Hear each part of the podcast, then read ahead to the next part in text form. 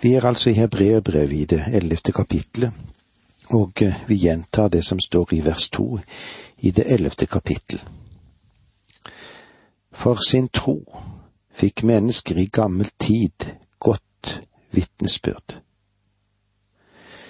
Disse mennesker i gammel tid, som eh, blir referert til her, kan være de eldste, altså fedrene, som blir fortalt oss i Hebreerbrevet 1.1.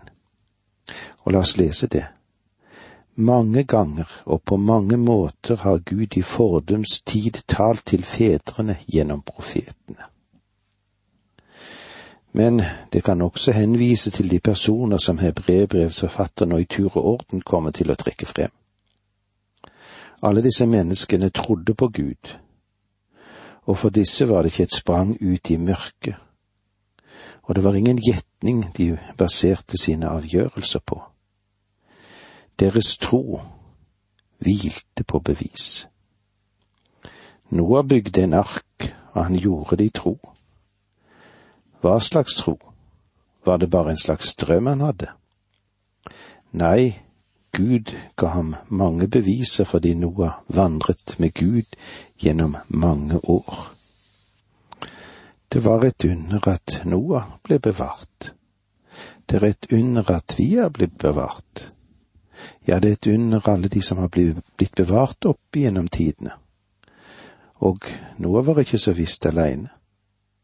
Dette brevet, som ble skrevet i den tid, og som forteller oss om alle de i fordums tid som gikk inn i hvilen i tro på den Herre Jesus, så har millioner senere gått inn i den på den samme måte. De har gått inn i det samme seierstog gjennom verden. Det finnes ingen krefter her på jorden, eller hvor det måtte være, som kan stanse mennesker som har fattet tro og tillit, og få dem til å snu. De kan gå gjennom natt og kulde, ild og vann, kors og blod. Ja, de går fra seier til seier. Og ingen vei er for smal å gå, og ikke finnes det fjell som er så høye at de ikke kan komme over når de er i tro og tillit til Gud. Og det er underlig å møte mennesker på vår vei som har vært inne i store vanskeligheter, som har fått stridd for evangeliets skyld. Og vi lever i den største martyrtid som noen gang har vært på jord, i den tid som du og jeg lever i. Men de har fattet tro og tillit til Gud. Guds ord forteller det. Og slik forteller også historien fremover til den siste dag. Det er et underfullt lys som stråler over jorden gjennom disse profetene og disse ledere og disse troens helter og de som vi aldri har hørt et ord om, som har fattet tro og tillit til Jesus. Men hva er grunnen til at de troende i den gamle pakt kunne holde ut i slike lidelser, og gå ut i den striden, og seiret? Og hvor ligger grunnen til at vi som lever nå, også kan vinne med den samme kraft? Ja, for oss som lever etter at Kristus kom, skulle svaret være greit. Men vi vet at kraften til tro ligger i det som Gud gav oss i ham, som gikk til Golgata. Han som sonet våre synder. Han som betalte vår skyld. Og han som bygde en ny og levende vei. Den som vi kan gå på, der vi når frem til Gud. Den som kommer til Gud på denne veien, hva med han? Han blir tilregnet Kristi rettferdighet. Og så står han der der, ren i Guds øyne, frelst og fri. Og det er ut fra dette troen kan gi oss fred med Gud og kraft til å vinne seier i striden. Men hvordan var det med de i den gamle pakt? Hva var det som ga de mot til å lide og makt til å vinne? Gjelder ikke det samme for de som for oss? Selv om de ikke hadde nådd frem til den tid da korset ble reist, så bygde de likevel sin tro på løftet om at han skulle komme. Har dere lagt merke til det Jesus sa om Abraham. Abraham, deres far, frydet seg til å se min dag, da han så den glede som ventet. Den tro som Abraham hadde, bygde på Kristus, og han så frem til Kristi dag. Vi som lever i dag, får lov til å se Kristi frelsesverk fullført, og i troen så de det samme, de som levde i den gamle pakt. For dem som for oss lå garantien i Guds sønn fra evige tider. I det andre Korinterbrevet, kapittel 1, vers 20, står det slik. For så mange som Guds løfter er, har de fått sitt ja i ham. Derfor sier vi også ved ham vårt amen til Guds ære.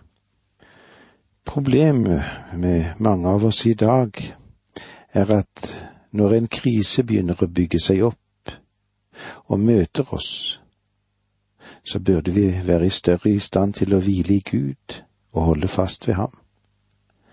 Men så får vi det ikke til. Saken er jo at hvis vi ikke har levd i dette forhold til Gud gjennom lengre tid, ja, hele tiden, så er det en slik ny erfaring for oss at det er vanskelig å takle den.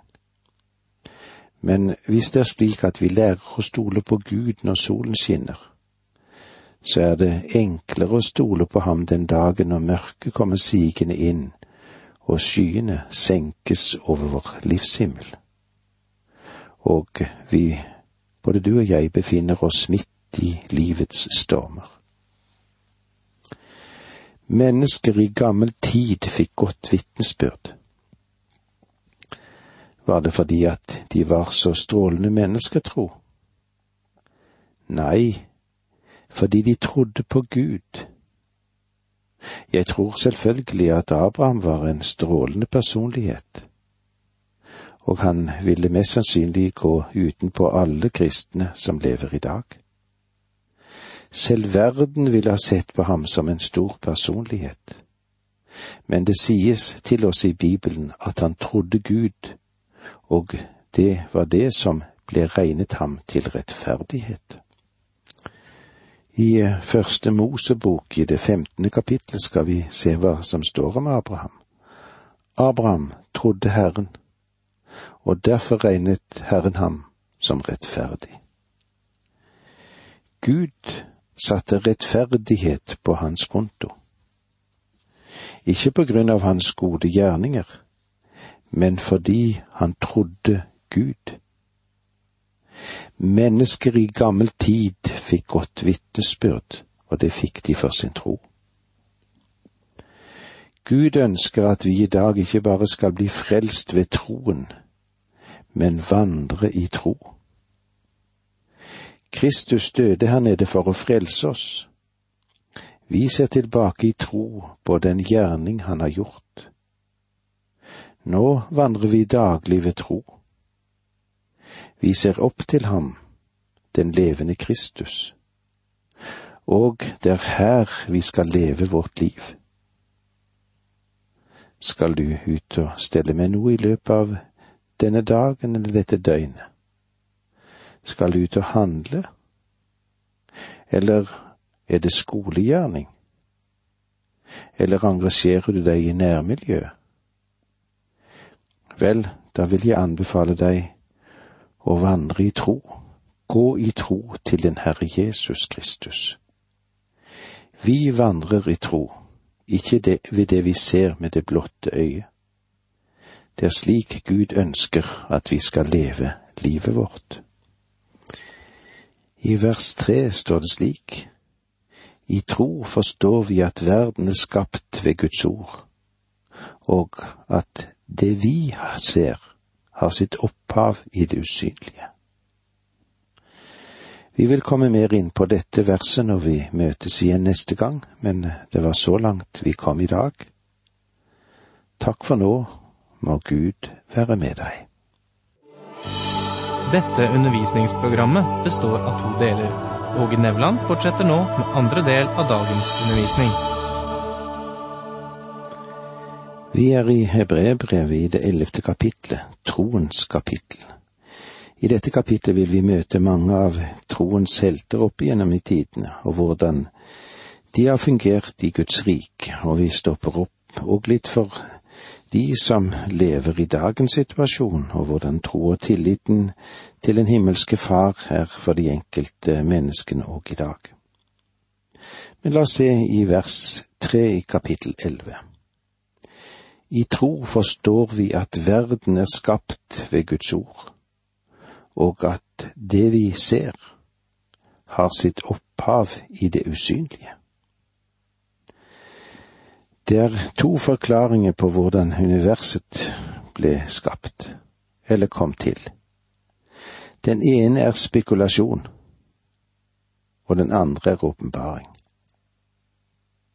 Ved tro aksepterer vi åpenbaringen, og ved tro vil du også akseptere spekulasjon. Spekulasjon har mange teorier, den, og mange av de er vraket. Og nå holder også evolusjonsteorien på å rakne. Det er det beste den vantro kan gripe tak i, men det er ren spekulasjon. Og en skal ha mye tro for å basere livet sitt på det. I tro forstår vi at verden er skapt ved Guds ord. Faktisk så kan vi også lese dette ordet på denne måten. Tidsalderne ble satt opp ved Guds ord. Hebreerbrevets forfatter har allerede sagt oss at Guds ord er levende og kraftig og skarpere enn noe tveegget sverd. Guds ord er kraftigere enn noe annen makt som vi kjenner til. Hvordan det? Jo, for Guds ord har makt til å forvandle liv. Og når du og jeg nærmer oss Guds ord, så enten aksepterer vi det, eller så vraker vi Guds utsagn angående universets tilblivelse. I begynnelsen skapte Gud himmelen og jorden. Det er åpenbaringen. Enten tror du Gud, eller så må du klynge deg til den menneskelige spekulasjon. Og evolusjonsteorien er ikke basert på totalvitenskap. Hadde den vært det, så ville alle vitenskapsmenn på dette feltet vært enige. Men det er de jo ikke. I dag er det mange fremstående vitenskapsmenn som begynner å vende ryggen til tilbedelsen av evolusjonsteorien. De ser mange brister, og ved den beveger de seg bort fra den. Enten tror du Gud, og det er åpenbaringen, eller så, stod, så tror du på det som vi kan kalle for spekulasjon. Troen, den må være forankret i noe. Den kristne åpenbaringen betyr at du har en solid base for forståelsen av universets oppkomst, eller slik det ble til. Jeg behøver ikke å forandre mine teorier ettersom den vitenskapelige kunnskap øker. Jeg hviler på et enkelt, et meget enkelt, men tilfredsstillende grunnlag for min tro. Og hvordan er den? Gud skapte himmelen og jorden. Og vi skal nå se på en rekke av de store kjempene i troens verden. Før det, så la meg få lov til å sitere et ord fra Campbell Morgan, han sa det slik. Livet må mestres av troen og ikke av tvilen. Det må videre opplyses av håpet, og ikke formørkes av fortvilelsen. Og i sin utvikling og aktivitet må kjærligheten praktiseres i fellesskap. Dette vil vi nå komme til å se illustrert gjennom mennesker som levde dette livet. Troen er ikke som en juvel, som en diamant som du legger i en eske og gjemmer i et bankhvelv og det er grunnen til at jeg nødig vil kalle dette kapitlet en katalog av troshelter. Her er det menn og kvinner som møtte sitt daglige liv i det som har med troen å gjøre, et liv med tro. Troen, den var operativ i deres liv. Tro er ikke noe du setter på utstilling i en monter. Troen hviler på Guds svar. Her får vi erfaringen til tre personer som levde før syndfloden, eller som det òg sies den store stormfloden. En av dem gjennomlevde denne stormfloden. Abel er den første, og i ham møter du troens vei. Og så Enok, som vi møter i troens vandring. Og i Noah møter vi troens vitnesbyrd. Disse menn levde før syndfloden, og troen var i funksjon også ved denne tid.